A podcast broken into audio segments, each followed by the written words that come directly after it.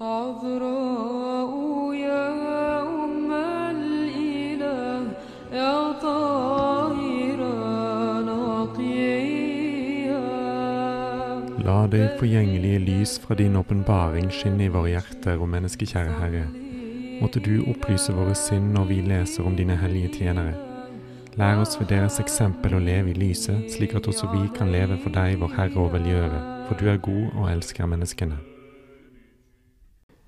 Den 29. desember minnes vi våre ærverdige fedre Markus Graveren, Johannes og Theofilus av Kiev-grottene.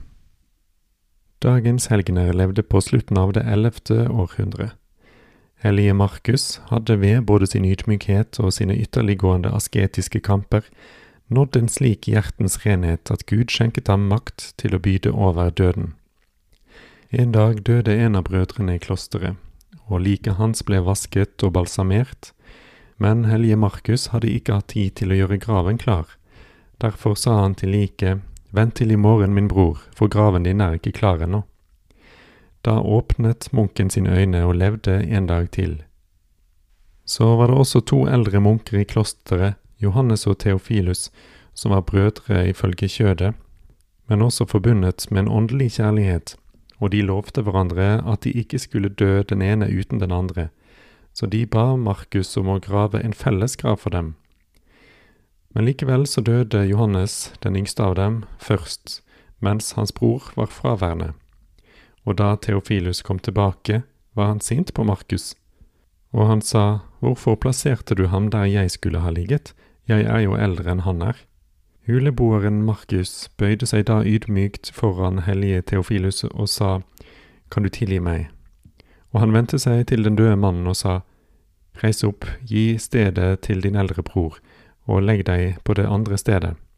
Og den døde mannen adlød og flyttet seg et hakk lenger bort. Da hellige Theofilos så dette, var det hans tur til å falle ned foran Markus og ba ham om tilgivelse.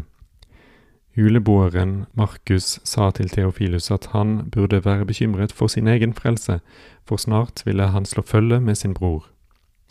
Da hellige Theofilus hørte dette, ble han forskrekket, for han skjønte at han også snart skulle dø. Så gav han bort alt han eide, og han beholdt bare sin kappe, og hver dag ventet han på sin dødstime. Og ingen var i stand til å stoppe hans tårer, og ingen var i stand til å lokke ham med velsmakende retter.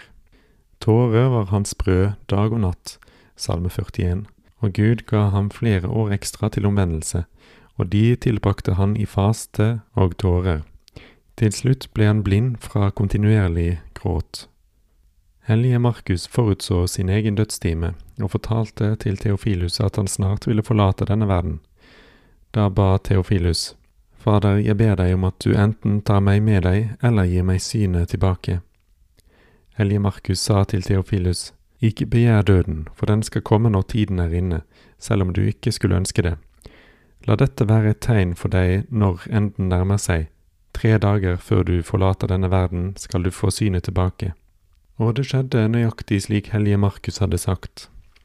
Det viste seg også en engel for Theofilus, og idet han viste han det fulle karet hvor han hadde oppsamlet tårene hans, sa han til ham, Jeg er sendt til deg for å bebude at om tre dager skal du gå inn til gleden, og salige er de som gråter, for de skal trøstes. Lukas 6,21.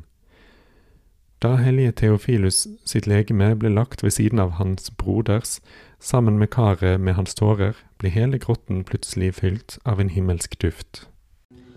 عذراء يا أم الإله يا طاهرة نقيا بدينة فارج صلي